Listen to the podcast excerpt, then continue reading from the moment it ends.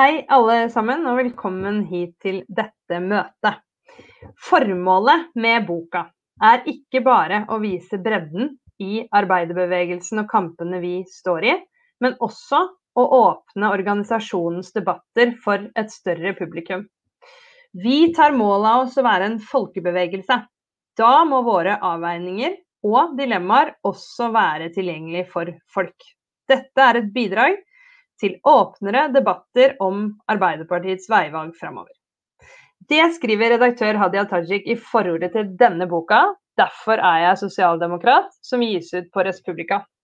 I den helt ferske boka så har 23 bidragsytere, som er sosialdemokrater fra hele landet, delt sin historie om hvorfor de er nettopp det, sosialdemokrater. Og de staker ut kursen videre for en bevegelse som er 130 år gammel. I boka så reflekteres det bl.a. over økende ulikheter, hvordan vi skal inkludere flere folk eh, som står utenfor arbeidslivet, at klimagassutslippene ikke går raskt nok ned, og hva problemet er med det mange peker på en, som er en statsstøttet privatisering av velferdsstaten. De forsøker også å besvare spørsmålet hva skal sosialdemokratiet være i dette tiåret fram mot 2030? Felles for bidragene er ideen om at mer frihet oppnås gjennom sterkere fellesskap. Og I dag skal vi snakke med noen av dem som har bidratt med tekster inn i denne boka. Vi skal høre fra leder i samfunnspolitisk avdeling Industri Energi, Maria Schumacher Valberg. Vi skal høre fra daglig leder i Vestre AS, Jan Christian Vestre. Og vi skal høre fra sentralstyremedlem i AUF og bydelspolitiker i Gamle Oslo, Agnes Nærland Viljegren. Og vi skal høre fra fylkesvaraordfører i Troms og Finnmark, Tarjei Jensen Bech. Men aller først så skal jeg snakke litt med deg, Hadia Tajik. Du er nestleder i Arbeiderpartiet, og har også vært en av redaktørene for denne boka. Jeg begynner rett og slett med et spørsmål som kanskje både er enkelt og komplisert samtidig. Og det er rett og slett hvorfor er du sosialdemokrat? Eh, altså, Jeg tror jeg ble sosialdemokrat først på eliminasjonsmetoden da jeg eh, var 16 år gammel. Altså, Det var lokalvalg, og eh, jeg tror det var flere enn meg som ble nysgjerrig og interessert i politikk. Og da eliminerte jeg meg fram til Arbeiderpartiet. altså Jeg kikka på de ulike partienes partiprogrammer. Så det er nok først når, da jeg ble voksen at jeg på en måte valgte sosialdemokratiet på nytt, litt sånn aktivt. Og da er det særlig frihetsbegrepet som har appellert til meg. Altså er det sånn at du er mest fri når du er si, mest for deg sjøl eller mest alene? Eller er du mest fri når du har et fellesskap rundt deg, når du har støtte fra andre? Og For meg så er det ikke noe tvil om det. Det er når du har støtte fra andre at du er mest fri. Og jeg er jo i mammapermisjon akkurat nå. Det er kanskje et, et veldig greit praktisk eksempel, eh, særlig knytta til fedrekvote, der man jo ser at det å ha tilgjengelig noen uker som er særlig tilegnet far, gjør at flere fedre syns det er enklere å faktisk velge å være i permisjon og være med ungen sin på et tidlig tidspunkt. Man har jo erfaringer både fra Norge og Danmark som viser at fjerner man fedrekvoten, så er det færre fedre som eh, benytter seg av muligheten til å være, være nær for barnet sitt.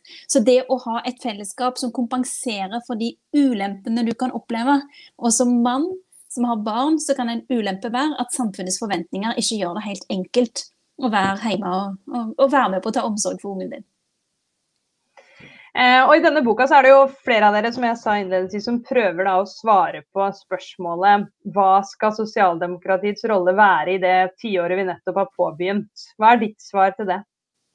Jeg tror det er særlig to store oppgaver der det er sosialdemokratiet og hele den fellesskapstenkningen som kommer til å være helt, helt grunnleggende. Eh, det ene er at eh, vi må skape og sikre verdier for neste generasjon. Altså, og Det gjelder både økonomiske verdier, men det gjelder ikke minst jorda vår, kloden, klimaet. Altså At vi gjør det som skal til for å kutte utslipp, så at neste generasjon òg får, får altså et godt liv. Men det andre store prosjektet må handle om sosial rettferdighet. Og disse to prosjektene her, de henger veldig tett sammen. Altså Det å skape og sikre verdier for neste generasjon på en måte som ikke er sosialt rettferdig, det kan aldri være sosialdemokratiets prosjekt. Eh, det å kunne delta og bidra i det å skape verdier, altså alle, uansett hvem du er, eh, må være helt grunnleggende. Og det å kunne nyte av de godene som det å skape verdier innebærer, det, det er òg noe som sosial rettferdighet handler om. Så Det er de to prosjektene jeg mener at det er spesielt viktig for oss nå. Og Det er jo gode prosjekter, og det er jo lett å la seg engasjere og overbevise av det. Men så er det jo sånn at sosialdemokratiet sliter i mange land, også i Norge. Det går jo ikke så bra på målingene. Og Hva er, måte, hva er din analyse av hvorfor det går dårlig, og hva, hva tenker du er veien ut av det? Eh, du har dessverre rett i at mange sosialdemokratiske partier i ulike europeiske land har eh, opplevd eh, altså vanskelige tider og tilbakegang, selv om det er ikke svart-hvitt. Og det finnes òg eh, eksempler på sosialdemokratiske partier som har gjort det godt, bl.a. i Portugal. Um, og det går det an å la seg inspirere av. Men eh, jeg tror at en viktig del av veien videre, det er å ikke definere prosjektet vårt som for smalt. Jeg ser altfor ofte at det popper opp debatter der, der, det til syvende og sist handler om hvem er arbeiderklassen, hvem representerer arbeiderklassen, i stedet for å på en måte spørre eh, hvem vil være med på å slåss for sosial rettferdighet og for å skape verdier for neste generasjon. Hvem er det som vil delta i den kampen der? Eh, og det vil være et mye bredere prosjekt enn å bare diskutere hvem er det som er arbeiderklassen i dag. Eh, så jeg er litt opptatt av òg gjennom denne boka her, og jeg opplever jo forhåpentligvis ja, altså at, vi, at vi klarer å synliggjøre det. At du kan ha alle mulige tenkelige bakgrunner og være en del av det prosjektet. Eh, du kan være økonom, du kan være næringslivsleder, som vi kommer til å se i løpet av kvelden. Du kan være fra Hammerfest, du kan være fra Oslo. Og likevel være en del av noen hva skal jeg si, grunnleggende felles interesser eh, der du vil være med og slåss for det. Og, og, til syvende og sist så handler det jo om at i interessekonflikten mellom arbeid og kapital, at vi har med oss folk som ser at vi er nødt til å slåss for de som har arbeidskraften å tilby. Kapitalen klarer seg sjøl. Og så lenge man på en måte kan være enige om det, så tror jeg det er ganske mange som kan være en del av prosjektet vårt. Mm. Dette med like muligheter, det, det er jo så det kan du nesten spørre alle partiene om i Norge, så, sier, så vil veldig mange av de da, i hvert fall si at det er et viktig prosjekt for dem. Er, og man sier jo veldig ofte også at i Norge så er det små forskjeller i, i norsk politikk. Er det fordi eh, eller da sier noen at da, det betyr egentlig at sosialdemokratiet har utspilt sin rolle. De har fått til dette store prosjektet. Men jeg antar at det, det vil ikke du være enig i? Nei, eh, jeg er jo ikke det. Men det er jo klart at hver gang man vinner en seier, så blir den seieren felleseie. Eh, og det kan du si eh, at eh, man kan kjenne på at det er urettferdig, men det spiller på en måte ingen rolle.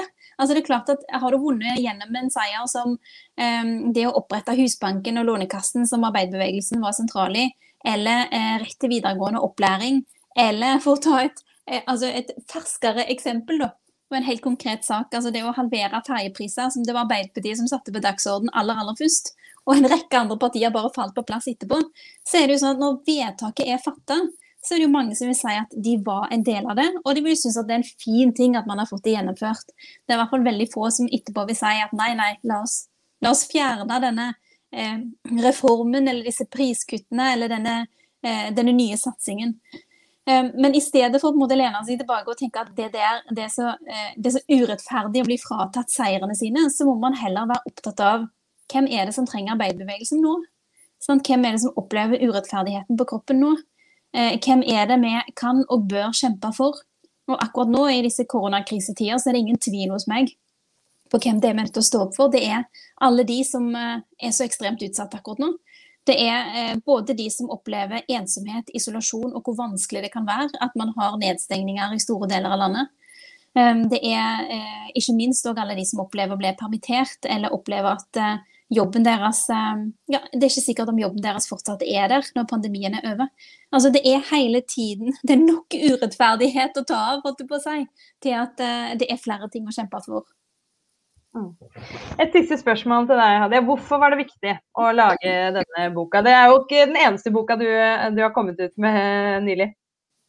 Denne boka her er viktig av to grunner. Det ene er å vise mangfoldet og bredden i arbeiderbevegelsen. Eh, nettopp det at du kan være økonom, næringslivsleder eh, fra Hammerfest, fra Oslo, fra andre deler av landet, eh, og likevel være en del av arbeiderbevegelsens prosjekt. Og så tror jeg at folk er litt lei av av og til å se de samme trøtte trynene hver eneste gang. Så det at de her får se andre fjes enn det de kanskje er vant med å se, og, og høre de fortelle om hva de mener er viktig for sosialdemokratiet, det er viktig i seg sjøl. Så det ene er jo mangfold og bredden. Og det andre, det handler om åpenhet. Det handler om at vi er en bevegelse som har som mål at vi skal representere samfunnet vårt og, og landet vårt. Og, og, hvis vi skal klare å oppnå det, så kan vi ikke fatte beslutninger i lukka rom. Vi er nødt til å være transparente, åpne, gjennomsiktige. Det må være mulig å kunne identifisere seg med oss, eh, med de sakene som vi tar opp. Og da er vi nødt til å ha den type åpenhet mot verden. Så det gir folk innsyn til oss, og det gir oss utsyn til, til de diskusjonene som finnes. Så jeg tror at det er et gode. Eh, både for bevegelsen og forhåpentligvis for den politiske debatten. Tusen hjertelig takk til deg, Hadia Tajik. Bra å høre at du følger med på eh, ferjeprisene selv om du er i mammaperm. Da er du bra oppdatert til du skal tilbake igjen. Det tror jeg mange gleder seg til. Tusen takk skal du ha. Kjør takk. I denne boka som vi diskuterer i dag, så får vi altså presentert 23 historier fra sosialdemokrater fra ulike deler av landet, og med helt ulik bakgrunn, som redaktør Hadia Tajik var inne på. Og som jeg nevnte innledningsvis, så skal vi også møte flere av dem her i dag. Vi skal snakke med to eh, som eh, nok er kjent for mange av dere, som er blant de som har levert inn sine historier om hvorfor de er sosialdemokrater. Den første er leder for samfunnspolitisk avdeling i Industri Energi, Maria Schumacher Valberg. Hun er her som eh, privatperson, jeg bare tenkte jeg skulle understreke det. Og den andre som skal være med oss nå, er Jan Christian Vestre, som er daglig leder i Vestre AS. Og dere har jo da skrevet tekster begge to eh, i denne boka, men dere representerer jo også eh, her eh, to ulike sider av forhandlingsbordet eh, i det vi, vi, ofte refererer til som den norske modellen, altså arbeidstakersiden og bedriftsledersiden. Og begge er sosialdemokrater, som Hadia Tajik var, var eh, innom. Og dere har altså bidratt begge to med deres perspektiv på sosialdemokratiet inn i boka.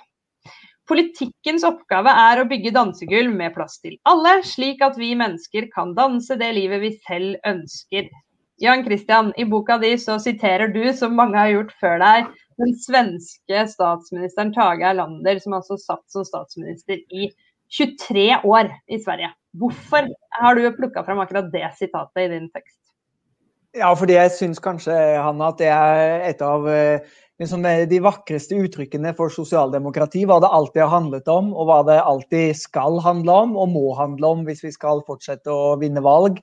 Eh, det, hele dansegulvmetaforen kom jo egentlig fra det som var Tage Erlander sitt store prosjekt. og Det var det han kalte det sterke samhellet, altså det sterke samfunnet som eh, fanger opp alle, som tar vare på alle, der alle får utfolde seg. Og Tage Erlander var jo på mange måter Sveriges Einar Gerhardsen, som eh, produserte den ene velferdsreformen etter den andre. Gjorde Sverige til et av verdens rikeste, lykkeligste, mest avanserte eh, naboland, i hvert fall for oss og ikke minst klarte å vinne valg etter valg etter valg. Til etter å ha styrt i nesten et kvart århundre, så oppnådde Erlander over 50 av eh, stemmene.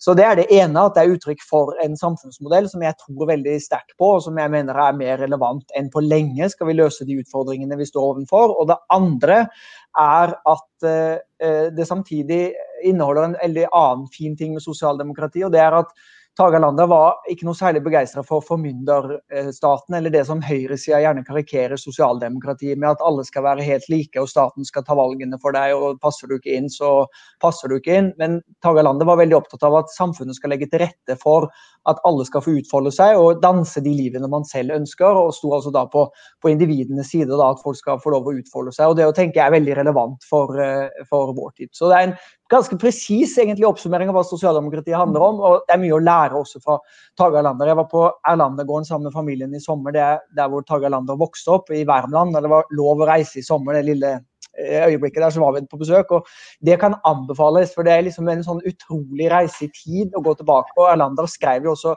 dagbøker. så 24 års statsministergjerning er jo tegna ned i veldig mange bøker. Og det er så mange gullkorn der, og så mange råd vi skal komme tilbake til etterpå, til hvordan sosialdemokrater i dag bør agere, og hva som er viktig. Så jeg tenker det, Selv om det er litt sånn nostalgisk og litt gammelt, og sånn, så er det masse å hente der som vi kan la oss inspirere av, og som er høyst relevant i vår tid. Ferietips til de som er lei av Dyreparken og Legoland. Maria, du har en ganske utfyllende begrunnelse for hvorfor du er sosialdemokrat i din tekst. og En av dem syns jeg er interessant. Den handler om eh, om at det er viktig å ikke gjøre store og komplekse spørsmål til, til spørsmål om små, enkle symbolsaker, men å faktisk klare å, å gi en realistisk bedømmelse av hva som skal til for å løse utfordringene. Og dessuten forsvare fellesskap i møte med særinteresser. Hva er det du legger i det?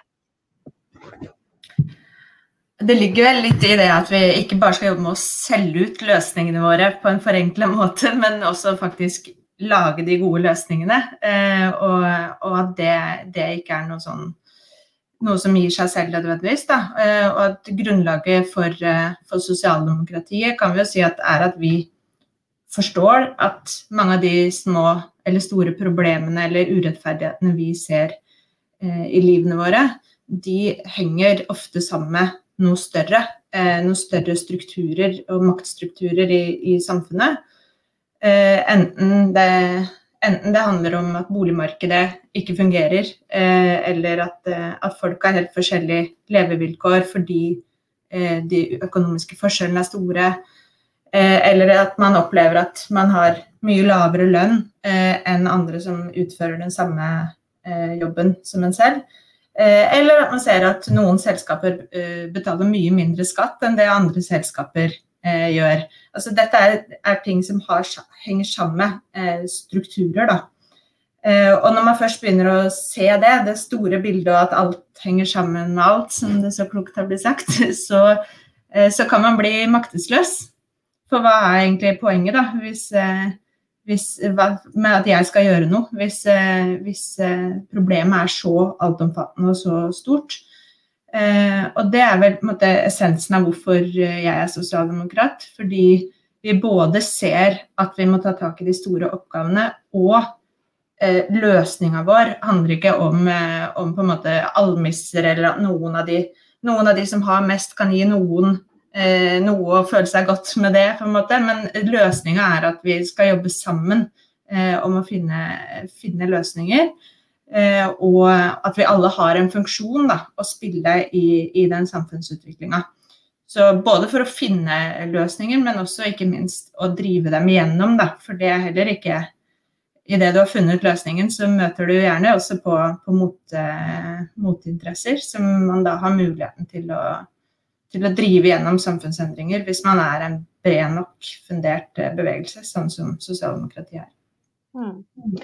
Eh, I begge tekstene deres så utfordrer dere sosialdemokratiet også. Eh, Jan Christian, du skisserer i din tekst to, to, helt fundamentale oppgaver for sosialdemokratiet.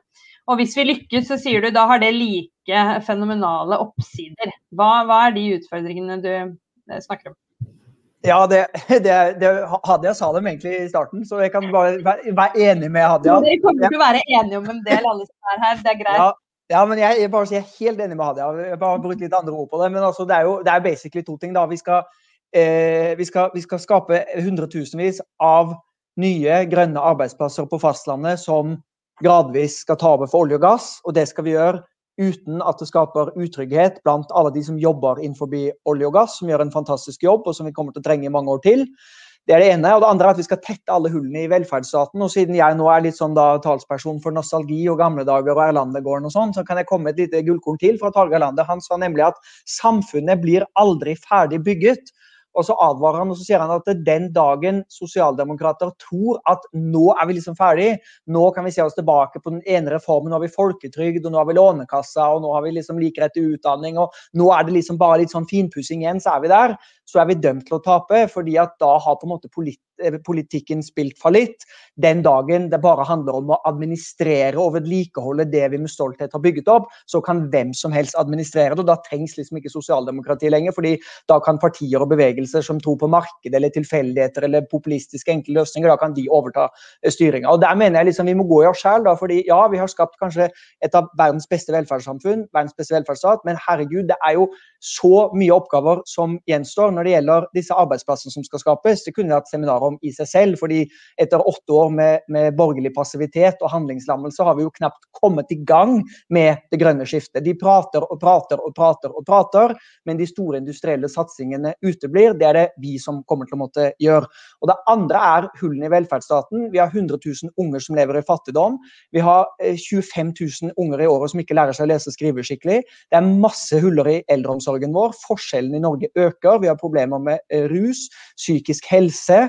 Eh, det er, liksom, det, er, det er, så mange ting å ta tak i, og disse to tingene henger veldig nøye sammen. fordi klarer vi å skape flere arbeidsplasser, få flere i jobb, øke inntektene til fellesskapet, så har vi også milliarder av kroner mer vi kan bruke på velferdsreformer som utligner sosiale forskjeller, som gir folk like muligheter til å nettopp leve de livene eh, de ønsker seg. Så Det er liksom det sosialdemokratiet alltid har handla om, men som Norge nå kanskje har mer behov for enn noensinne, som er utfordringene. Og oppsiden er som sagt at hvis vi lykkes med det, så får vi eh, lukka de hullene som er der, og da gjort samfunnet bedre. Som er liksom det det alltid har, eh, har handla om. Maria, du er også opptatt av at sosialdemokratiet står overfor noen utfordringer. og du, du, beskriver det som et trilemma. Hva er det det består i? Eh, nei, altså Utfordringene våre er jo å løse bl.a. alle disse problemene som Jan Christian eh, ramser opp her. Men trilemmaet vårt består i at oppmerksomheten vår eh, trekkes i retning av tre hensyn som er litt vanskelig å kombinere. Og, det henger sammen med samfunnsutviklinga. Det ene er at, at det blir stadig mer komplekst å finne gode løsninger på en del av de store, store viktige spørsmålene. Sånn som klimautfordringen, som det riktignok skjer utrolig mye bra og spennende på, og det er fortsatt mye vi kan gjøre. og prøver ikke å gi et helt sånn fullsvart bilde av det, men, men, men det er komplekst. Eh, og, og, og, da f.eks. skattlegging av flernasjonale selskaper, som jeg har jobba mye med eh, de siste åra, er også en ting som er, det er ordentlig komplekst. Eh, og det krever ekspertise, det krever at man setter seg nøye inn i det og forstår på en måte jussen og økonomien og sånn. Ja, så det krever en ekspertise da, i den, den retninga. Samtidig så, eh, så ser, ser, jeg jo, og det opplevde jeg særlig da jeg jobba en liten periode på, på, Stortinget for finansfraksjonen, eh, at det er et veldig tempo eh, og, og i, i, informasjonsarbeidet da, og viktigheten av å få ting raskt ut og være på hele tiden. og det er på en måte telling av klikk og synlighet eh, som driver en i retning av kjappe, eh, krasse utspill. Eh, og det er jo også selvfølgelig viktig å være synlig og tydelig, eh, men det krever en helt annen kompetanse enn den kompetansen jeg snakka om i stad. Mm. Eh, så begge de to tingene her, det krever jo eh, kompetanse, ulik kompetanse. At man ansetter folk eller rekrutterer folk som er gode på de tingene her. Eh, men i tillegg eh, så er jo da det tredje hensynet at, at hele grunnlaget for sosialdemokratiet er at ekspertise ikke skal være vårt grunnlag. Det skal jo være nettopp folkelig deltakelse og at, eh, at vi er representative. Og at, og at, vi, alle har en, en rolle å spille. Da. Og det å kombinere de tre hensynene, det syns jeg at vi ikke alltid treffer like godt på. Mm. Og, bare litt tilbake til de utfordringene dere egentlig alle har pekt på, som spesielt da handler om klima og mulighet til å forene de to. Eh, I hvert fall klimautfordringen er jo eh, ganske mange politiske partier enige om at vi skal løse. Eh, og de fleste politiske partier vil også si at de ønsker seg et samfunn med små forskjeller.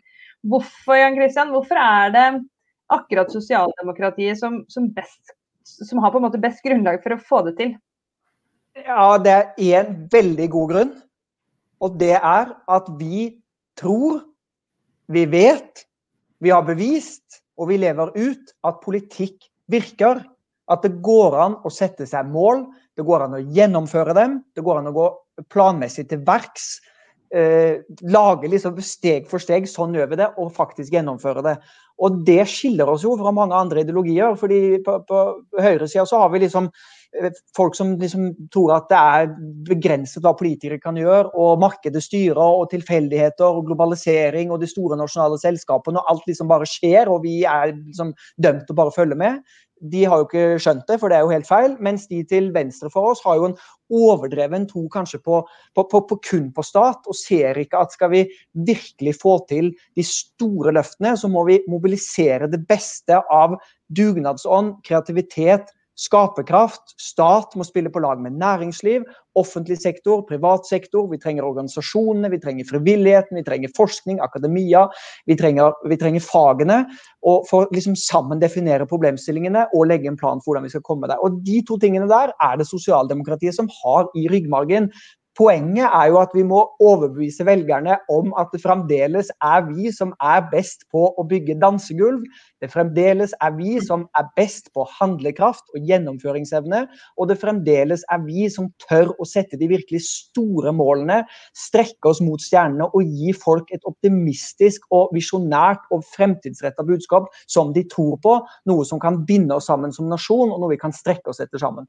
Eh, her er mulighetene enormt store, og jeg er helt sikker på at eh, Arbeiderpartiet med nytt program er på veldig god vei, og at oppslutningen vil komme.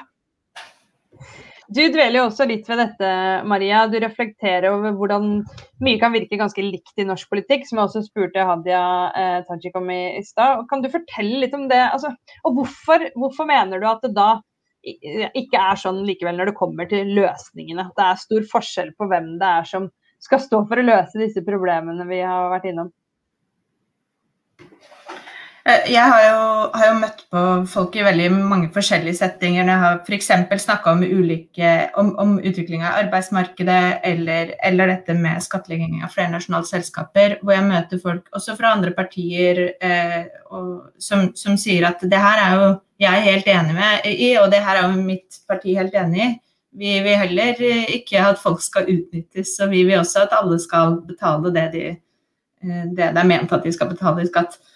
Um, så, og, så, jeg mener at dette handler jo først altså Det handler jo om prioritering og man, hvor man setter inn støtet og, og, og uh, på ja, hva man prioriterer da når man er uh, ved makta. Uh, men vel så mye vil jeg si at dette, det å drive fram politiske endringer ikke først og fremst er et spørsmål om man har gode intensjoner. Altså det hjelper ikke bare å vedta Eh, du kan ikke vedta at fra nå av skal det ikke foregå sosial dumping, eller fra nå av skal, eh, skal det og det problemet være løst. ikke sant? Det, det, krever forståelse for hva er det egentlig som, som gjør at dette allikevel skjer, selv om vi ikke ønsker det. Eh, og hva er det som da kan være løsninga.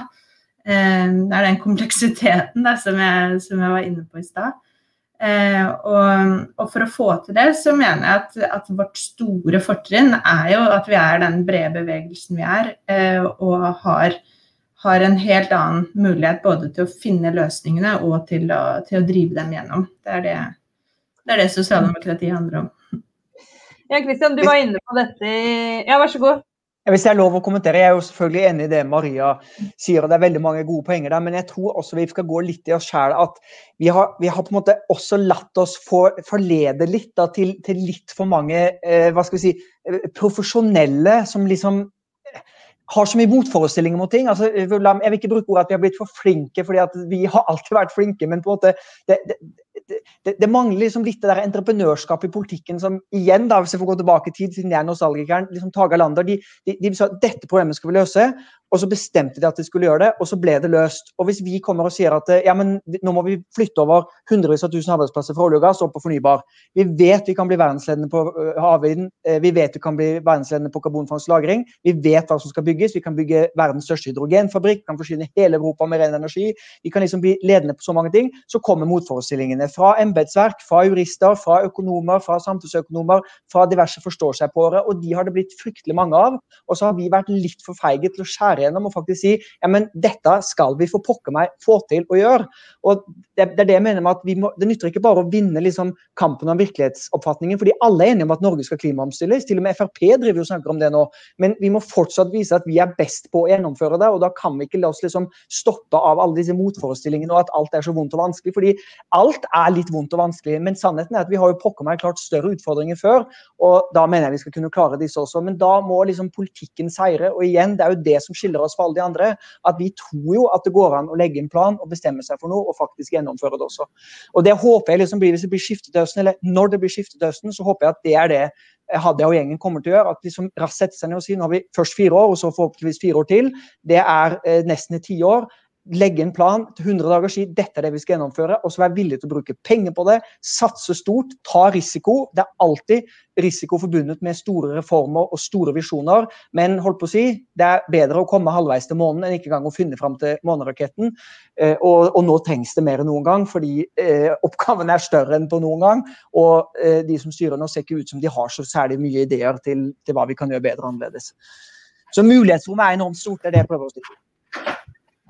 Jeg, siden jeg har dere begge to her, dere er litt inne på det i tekstene deres også. Men dere, som jeg nevnte innledningsvis, så er jo det Maria, du jobber jo i dag i Industri Energi som leder for samfunnspolitisk avdeling. Uh, og Jan Christian, du er jo bedriftsleder. Uh, og bare tenkte, siden vi har begge to her, snakke litt om trepartssamarbeid og den norske modellen, som jo mange også mener er så litt av nøkkelen til å få til å løse disse utfordringene. og Dere står jo midt oppi dette. Så hvordan bevarer vi dette eh, samarbeidet, som jo de fleste partier igjen da, eh, på hele den politiske skalaen skryter jo uhemmet av når vi er ute i verden og snakker om hva som er bra med, med Norge. Men hva skal til, og hva må, måte, hva må et sosialdemokratisk parti da, som Arbeiderpartiet gjøre for å bevare det gode samarbeidet? Jan Christian. Skal jeg begynne? Dere er så høflige. Ja, er bare et lite spørsmål på tampen der. Eh. Ja, bare et veldig lite to minutter. Nei, eh, det er jo et paradoks da, dette at, eh, at den norske modellen og nordiske modellen er blitt en sånn festtale for alle, men, eh, men, det er mye, mange som ikke ønsker å understøtte da, gjennom praktisk politikk. Og den altså Hvis jeg får lov å si to hovedutfordringer da, eh, framover, så er jo den ene eh, å holde på en høy organisasjonsgrad. Eh, for det er hele Det vil si at, at man både på arbeidstakersida og for så vidt også på arbeidsgiversida eh, er organisert.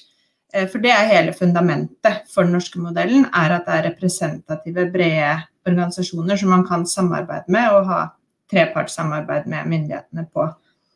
Eh, og det er, ikke, det er, ikke, noe som er gitt av seg selv. Eh, og det er trua av, av eh, Den høye organisasjonsgraden er trua bl.a. Av, av et mer fleksibelt, som det heter, arbeidsliv. og bruk av innleie, midlertidige ansettelser. en god del trekk der som gjør at man skal, skal at vi trenger en politikk som i større grad understøtter organisering. Eh, det andre er jo at, at eh, hvis jeg skal trekke fra en annen sånn hovedutfordring, eh, så vil jeg si kompetanse. For hele et annet fundament her for den norske modellen er jo at det skal være små forskjeller, små lønnsforskjeller. Og det kommer ut av det at vi har sentrale lønnsoppgjør i Norge. Men når det da er små lønnsforskjeller, så betyr jo det bl.a. at det er en høy relativt høy lønn for de med, med lav, eh, lav, inntekt. Eh, og det betyr at de også må være produktive. Eh, så alle arbeidstakere i Norge blir det stilt ganske høye kompetansekrav til. Vi har ingen jobber som går ut på, på måte, å trykke i, i heisen, eller pakke poser. Eh, det krever eh, at man, eh, at, man, får kompetansepåfyll gjennom hele arbeidslivet. Man er kvalifisert da, til de, de, produktive jobbene vi har i Norge. Eh, og det å få sørge for at flere eh, får, får, seg fagbrev eller, eller annen utdannelse eh, som, som, kvalifiserer dem til de oppgavene, det er helt nødvendig for at ikke de skal falle fra eh, og rett og slett ikke få seg jobb. Mm. Jan Christian, du er jo eh, bedriftsleder, men da eh, veldig ivrig medlem i Arbeiderpartiet. Du trekker jo ofte fram den norske modellen egentlig som en forutsetning for å kunne drive eh, verdiskapende næringsvirksomhet i Norge, og er mye mer opptatt av det enn av formuesskatten. Og det er jo de fleste sosialdemokrater er glade for å høre. Men hvorfor er det sånn? Kan du forklare oss det enkelt på et minutt? Hvorfor det er så viktig? Ja. trepartssamarbeidet. norske modellen, ja, det er, det, som, det er, jo det, som, er hele konkurransekraften vår. Det er jo der innovasjonen kommer, det er der produktiviteten kommer. Det at folk tør å opponere mot eh, lederne, si akkurat hva de mener, foreslå nye ting tørre å våge ta risiko, det er sosiale sikkerhet som følger det opp. Vi sitter rundt det samme bordet og forhandler. Det er, jo, det, er jo dette, det er, jo, hele konkurransekraften til norsk industri. Vi kan aldri bli billigst, men vi kan bli best, vi kan bli grønnest og vi kan være mest konkurransedyktige på det. Så Det er liksom gullet å ta vare på. Så Jeg er helt enig i alt eh, som vanlig Maria sier. Jeg, bare legge til at jeg tror jo at i tillegg til selvfølgelig med, med, med økt fagforeningsfradrag, som, som, er jo kjempeviktig, jeg mener det er jo helt, det er jo skammelig at vi som bedrift får fullt skattefradrag for å være med i norsk industri mens jeg som medlem i FLT, LO-familien, har jo bare liksom, får ikke halvparten engang dekka som fagforeningskontingent. og Dette eh, fradraget det står jo stille også. Så her driver jo regjeringen systematisk forskjellsbehandling av arbeidsgiversida, arbeidstakersida. Det må også inn i den 100-dagersplanen som Arbeiderpartiet skal fikse når, når Arbeiderpartiet kommer til, valg, eh, til eh, makta igjen. Så jeg er enig i det, men så tror jeg også at det er viktig at trepartssamarbeidet må jo liksom alltid også være en del av sin tid og, og, og, være aktuelt til å løse dagens utfordringer. og jeg tror at å bruke partene mye mer aktivt til å løse også de samfunns utfordringene og den transformasjonen vi skal gjennom. Vi skal doble eh, eksporten fra fastlandet de neste årene. Så skape masse nye arbeidsplasser, samtidig som vi overoppfyller Parisavtalen. 55 eh, reduksjon i klimagassutslipp med alle sektorer inkludert. Dette er altså så enormt store, men superinspirerende og gøyale oppgaver.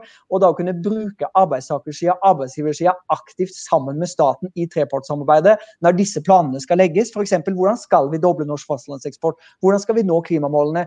Og da har partene med på rundt bordet og lage forpliktelser som både arbeidstakersida og arbeidsgiversida er stolt over. Det tror jeg er en nøkkel for å få økt oppslutning om både den samfunnsmodellen, om samarbeidet, og øke organisasjonsgraden også. Fordi sannheten er jo at en del av rettighetskampen og sosiale kampene, mange av dem er jo vunnet, så er det mange som står igjen. Men jeg tror ikke det alene er nok for å få flere med. Jeg tror vi må legge på et lag til. Og det er liksom eh, det som vi prater om her. Da. Så jeg er helt overbevist om at et sosialdemokratisk parti, les Arbeiderpartiet, som går til valg på det sterke samhellet på norsk, men i klimaets og samholdets eh, navn, med en aktuell, tidsriktig politikk, og ikke bare vinne kampen av virkelighetsforståelsen, men de helt konkrete, planmessige tiltakene og grepene for å komme der, og de er det eh, flust av eh, absolutt kan bli et 40 eh, eh, parti eh, med oppslutning igjen. Rett og slett fordi at det er behov for et sånt parti. Det er ingen av partiene i Norge som klarer å ta det helhetsgrepet, se hele, eh, hele helheten og virkelig svare på de eh, utfordringene som, som folk flest opplever, og som folk er, er, opptatt av å snakke om. Så jeg tror at Istedenfor å drive og sammenligne oss med sosialdemokratiske partier rundt omkring i Europa, som visstnok gjør det så dårlig, akkurat som det er en fordi at de gjør en dårlig jobb mot velgerne, så skal det liksom gå utover oss. Så jeg tror vi skal slutte å være så himla opptatt av hva de holder på med. Fokusere på oss sjæl, fokusere på liksom hva vi skal gjøre for å vinne oppslutning. Og så trenger vi absolutt ikke å finne opp oss selv på nytt. Vi skal egentlig bare la oss inspirere av historien, Erlander, Gerhardsen, alle de andre, men pakke det inn på en måte som oppleves som relevant for dagens unge og dagens voksne i Norge. Så jeg er helt sikker på at vi får det til. Tusen takk til dere to. Eh, og jeg tror hvis noen trenger flere sosialdemokratiske sommerferietips, så er det bare å ringe til Jan Christian. Jeg tipper han har flere. Da skal vi gå videre og snakke med noen av de yngste bidragsyterne i denne boka. Og de har begge to et lokalt perspektiv på sine innlegg. Agnes Nærland Viljugrein hun er sentralstyremedlem i AUF, men også lokalpolitiker i gamle Oslo Arbeiderparti. Og Terje Jensen er fylkesvaraordfører i Troms og Finnmark. Jeg tenkte jeg skulle begynne med å stille dere to det samme spørsmålet som jeg har stilt de andre som har vært her i dag, i litt ulik form. Og det er rett og slett hvorfor er dere sosialdemokrater? Kan vi begynne med deg, Tarjei? Um, ja, um, jeg kom til å tenke på at uh, for noen år siden så oppdaga jeg at hver gang den skattemeldinga kom, så var det mange som skrev på Facebook at jeg har fått um, igjen på skatten. Eh, og da gikk det opp for meg at eh, jeg har også fått igjen på skatten. I 2011, som jeg skriver i teksten min, så ble jeg skutt og hardt skadd på Utøya. Og det resulterte i at jeg trengte 30-talls operasjoner, fysioterapi og hjelp fra eh, psykolog. Og aldri så har jeg måttet tenkt at jeg ikke kunne tatt imot behandling eller at jeg ikke Pga. at jeg ikke hadde råd. Og det er jo finansiert av skatt og fellesskapet sine penger. Så når livgrunnen rundt meg har revna og jeg har falt, så har fellesskapet stilt opp og hjulpet meg opp igjen av et helsevesen i verdensklasse. Så jeg har fått igjen på skatten, fått hjelp til å overleve, leve og til å fortsatt kunne le, og også fått hjelp til å se at livet har gleden og lyset som mål, og ikke tristhet og mørke.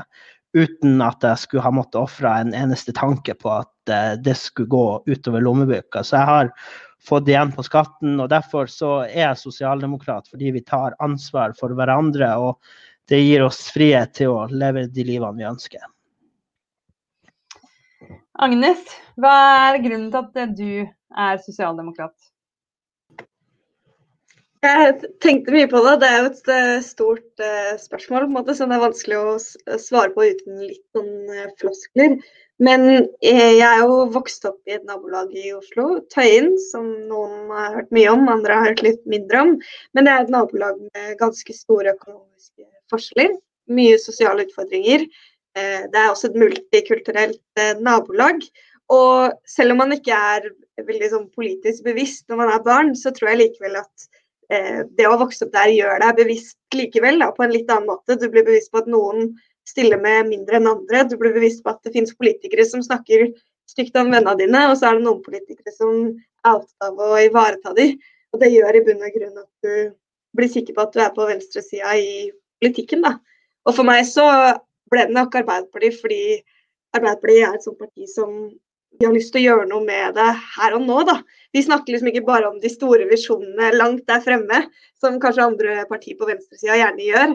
Arbeiderpartiet er på en måte opptatt av å, å, gjøre en forskjell her og nå. da. Og det ble så viktig for meg da f.eks. fritidsklubben i nabolaget mitt skulle bli lagt ned, og, og vi skulle redde den, så, så skjønte jeg jo på en måte at her er det partier som har større mulighet til å påvirke enn andre. Og da ble Arbeiderpartiet et ganske naturlig valg, da. Og dere to dere befinner dere i to helt forskjellige deler av landet. Agnes, du er i Oslo, her hvor jeg også er. Mens Tarja, du er i, i, Finnmark. Og i innleggene deres så tar dere jo da begge to utgangspunkt i nærmiljøet deres. Og Tarja, du trekker en, en historisk tråd egentlig fra gjenoppbyggingen av nord etter eh, krigen. En periode der du skriver at folk trodde på to ting, Gud og Gerhardsen, og helt fram til i dag.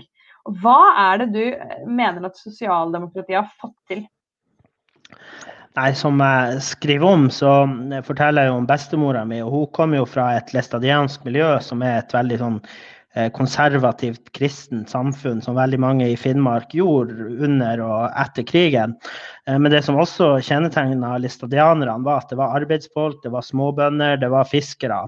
Eh, og Arbeiderpartiet sto veldig sterkt etter krigen hos dem, fordi at det var Gerhardsen og regjeringa gjennom en aktiv stat som bidro til å gjenreise hele Finnmark. Og da bestemora mi og, og, hennes familie kom tilbake til Finnmark, så var jo all infrastruktur og alle bygg var jo nedbrent. Og bare for å sette ting i perspektiv, så var det boliger til 10 000 mennesker for en befolkning på 70 eh, 000. Så det var Gerhardsens regjering sånn aktiv politikk som ga livene deres tilbake og gjorde sånn at de kunne leve av ressursene i havet og gjenreise livene deres. Så det eh, tror jeg de aldri glemte. Eh, og for å trekke linjene til vår tid, så var det jo Stoltenberg 1 ved finansminister Karl Erik Schjøtt Pedersen som som eh, bidro til at eh, det største industriprosjektet i Finnmark noensinne ble realisert med Melkøya og, og utafor Hammerfest. Og Det bidro jo til at man fikk arbeidsplasser. Jeg er helt sikker på at hadde det vært borgerlig styre da,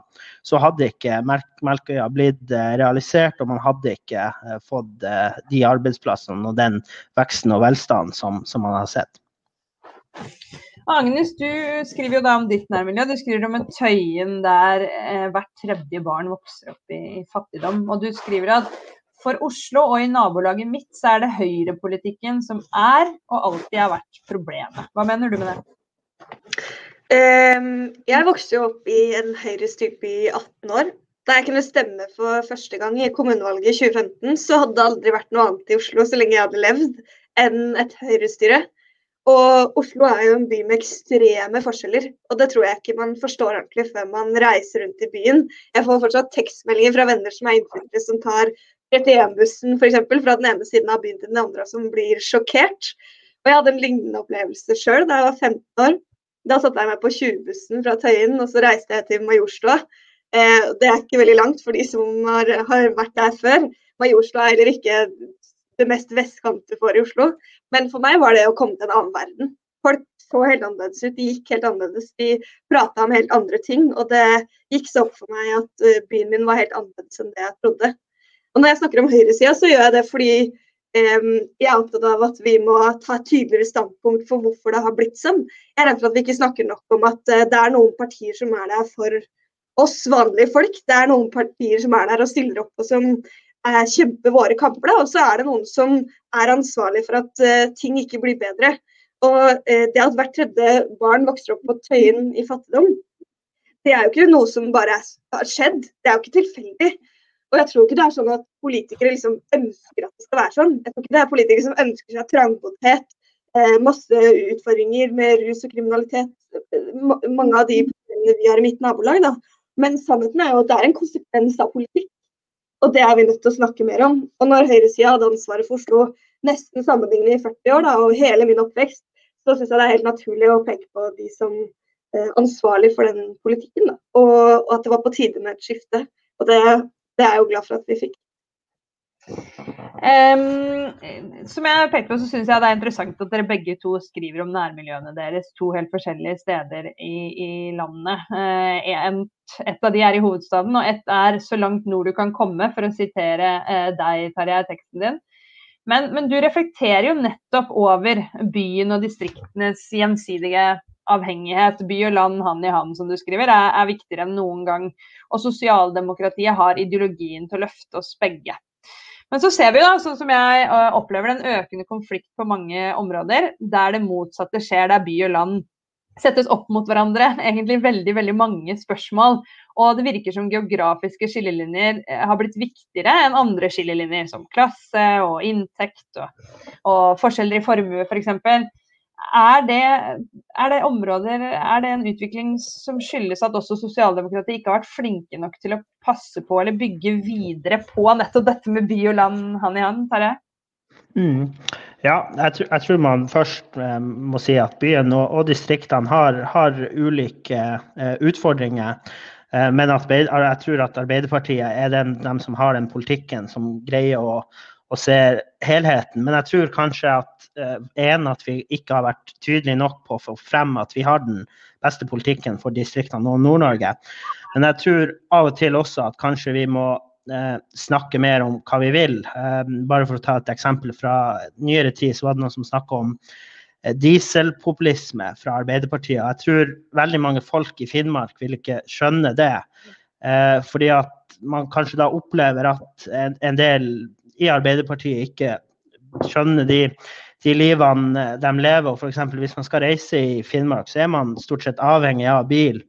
Eh, og fra min by til neste by så er det to timer med bil. og eh, man er helt avhengig av bil for å komme seg rundt. Og, og det er ofte for veldig mange så er det normalen at veien er stengt, og, og at man må stå i, i kolonnetid. Og Derfor tror jeg ikke folk, mange kjenner seg igjen i, i det begrepet. Så jeg tror heller at man må man må snakke om eh, Istedenfor å snakke om dieselpopulisme, så kan man heller si at man ønsker å utbygge hurtigladere i Finnmark, sånn at man kan få, eh, få en elbilpolitikk også i distriktene, sånn at det faktisk er en reell mulighet å, å, å velge elbil. Eh, så jeg tenker at, at det kan være, være et eksempel fra, fra nyere tid. Sånn at vi heller prøver å si, fokusere på hva vi vil, enn å prøve å å stemple meningsmotstandere som egentlig har hatt eh, og har en mye dårligere politikk for, for Nord-Norge og distriktene. Mm. Agnes, hva tenker du om, om det? Jeg syns Tarjei har uh, veldig veldig gode poenger. Og så må jeg jo si at som Oslo-jente så syns jeg det er en skikkelig krevende debatt. Fordi jeg opplever jo at uh, når du kommer fra Oslo, så blir du fort stempla. Du får ikke Altså, la meg bare si det helt tydelig òg. Jeg er kjempeopptatt av at vi skal få gode distrikter i Norge. Jeg er kjempeopptatt av at vi skal ha arbeidsplasser og verdifullt næringsliv i hele landet. Og det mener jeg, selv om jeg er født innafor Ring 2 i Oslo. Enda mer sentralt enn Ring, ring 3, som folk pleier å hytte med neven og, og snakke om. Og så må jeg også si at jeg blir ganske rasende når folk snakker om Oslo-eliten som et sånt generisk problem, eller sånn begrep. da. Fordi I mitt nabolag så er det én ting som er helt sikkert, og det er at avstanden fra eh, Tøyen til Stortinget, det er kanskje 15 minutter å gå.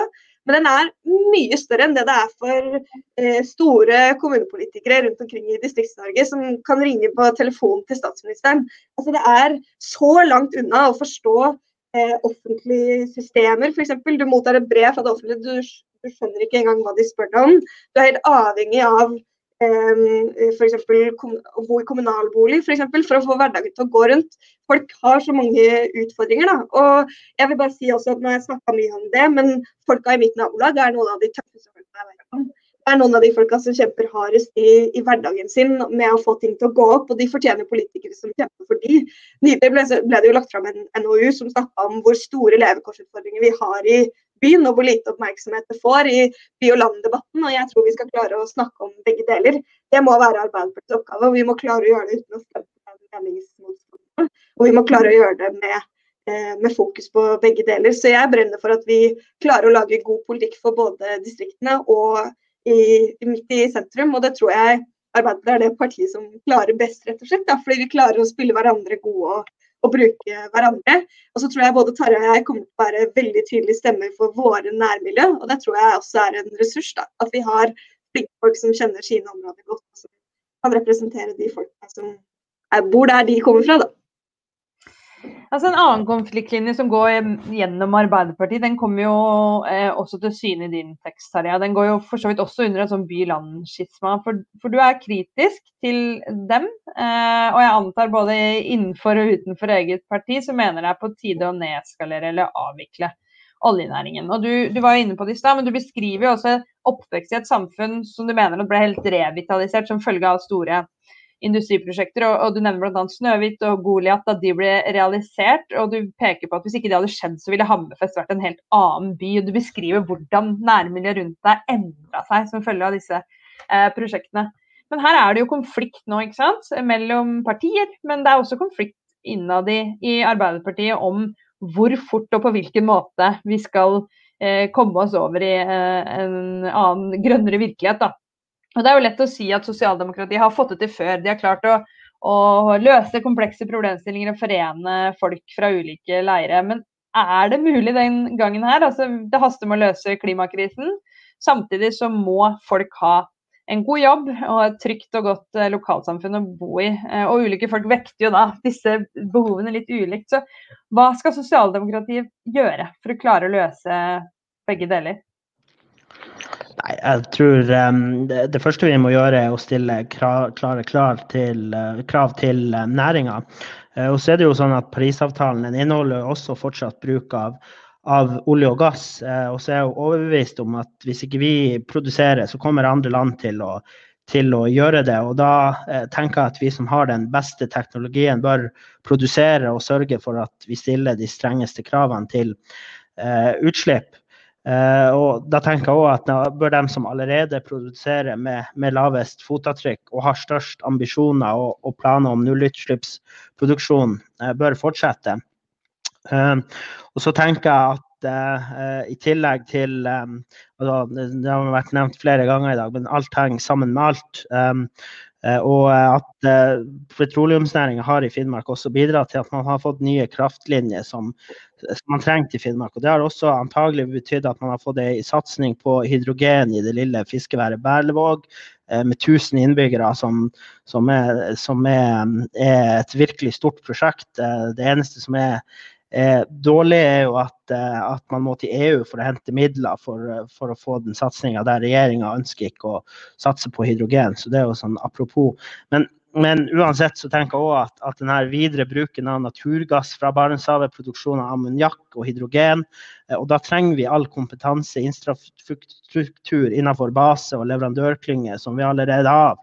Eh, så jeg tror at mye av den positive utviklinga som har vært innenfor petroleumsnæringa ikke, ikke hadde kommet uten næringa som vi ser i Finnmark.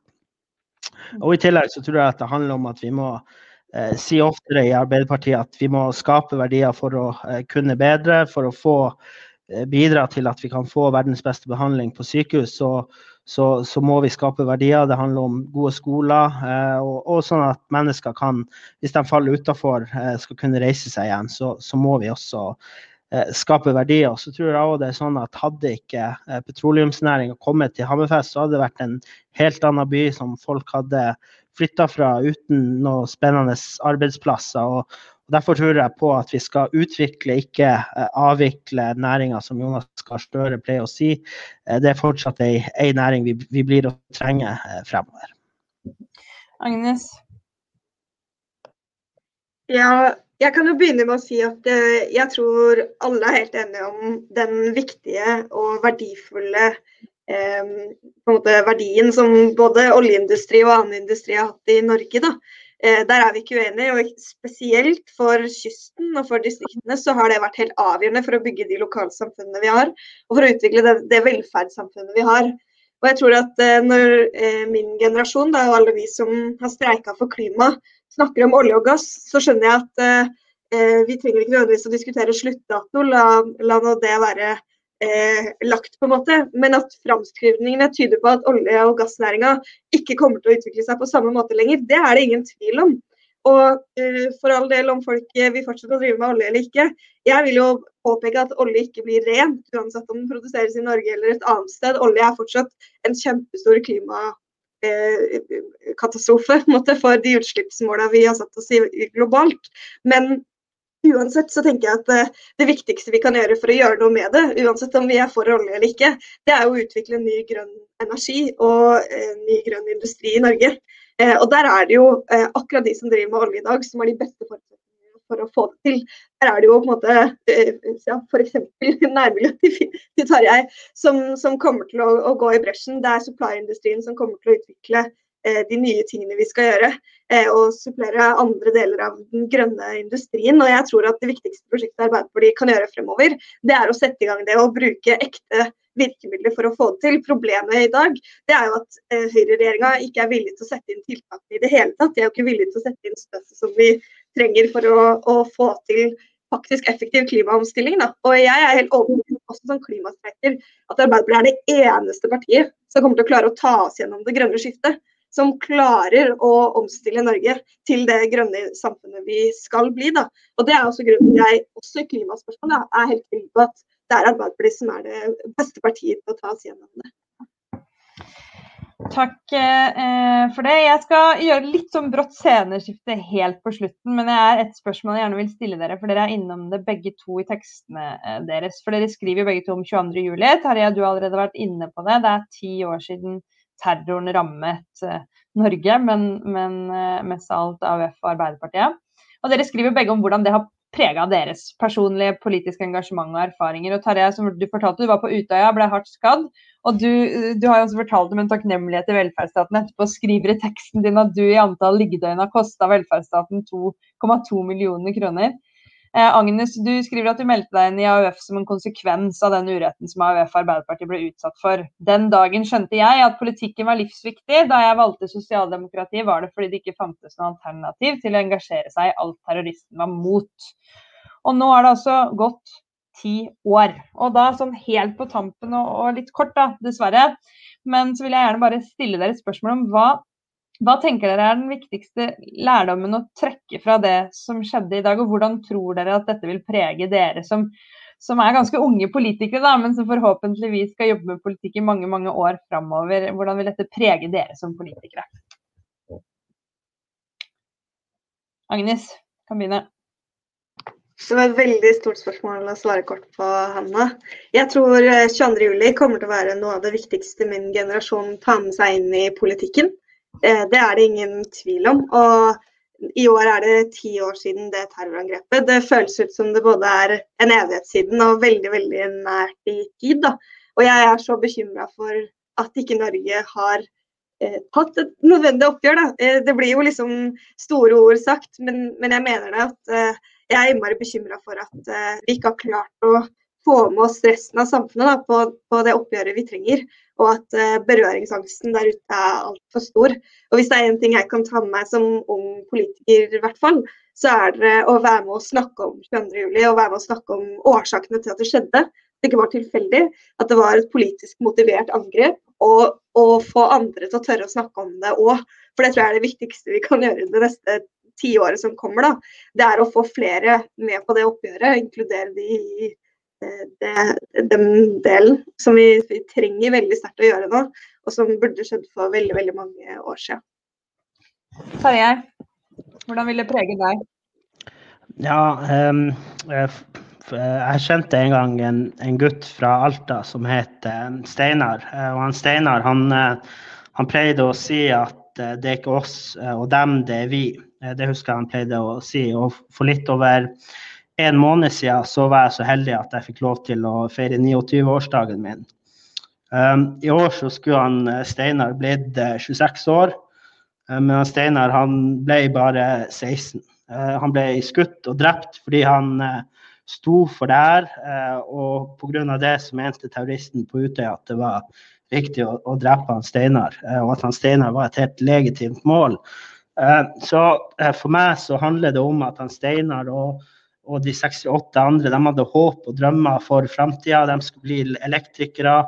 Eh, de skulle få seg en utdannelse, gifte seg, se barna sine vokse opp. og Noen av dem skulle gjøre store ting og bli ordførere, stortingsrepresentanter, statsråder og til og med statsminister. Og det fikk de aldri lov til. Eh, drømmene deres ble brått tatt vekk. Eh, og for meg så kommer det til å prege meg på den måten at han Steinar og alle de andre alltid kommer til å være med meg. Så jeg lever litt ekstra for dem hver eneste dag og føre deres drømmer og verdier videre. Eh, og fordi at det er så mange som ikke fikk lov til å leve videre, og, og livene deres ble eh, tatt borte i løpet av flere sekunder. Så Derfor tenker jeg at vi aldri må glemme og, og alltid huske. Veldig sterk og fin avslutning på dette møtet. Vi kommer forhåpentligvis til å snakke mye mer om 22.07 i løpet av dette året, siden det er ti år siden det skjedde. Og hvis eh, du har lyst til å lese flere av, av tekstene i denne boka som vi har snakka om i dag, derfor er jeg sosialdemokrat, som gis ut på Respublika, eller å lese hele teksten, ikke bare små utdrag som dere har fått via meg i dag fra de som har vært hos oss, så kan du kjøpe den hos Respublika. Så vil jeg bare da gjerne få si tusen takk til redaktør Hadia Tajik, og tusen takk til Jan Christian Wester og Maria Valberg. Og tusen takk til Tarjei Jensenbekk og Agnes Nærland Viljegrein for at dere var med i dag. Og tusen takk til alle dere som så på. Ha det bra.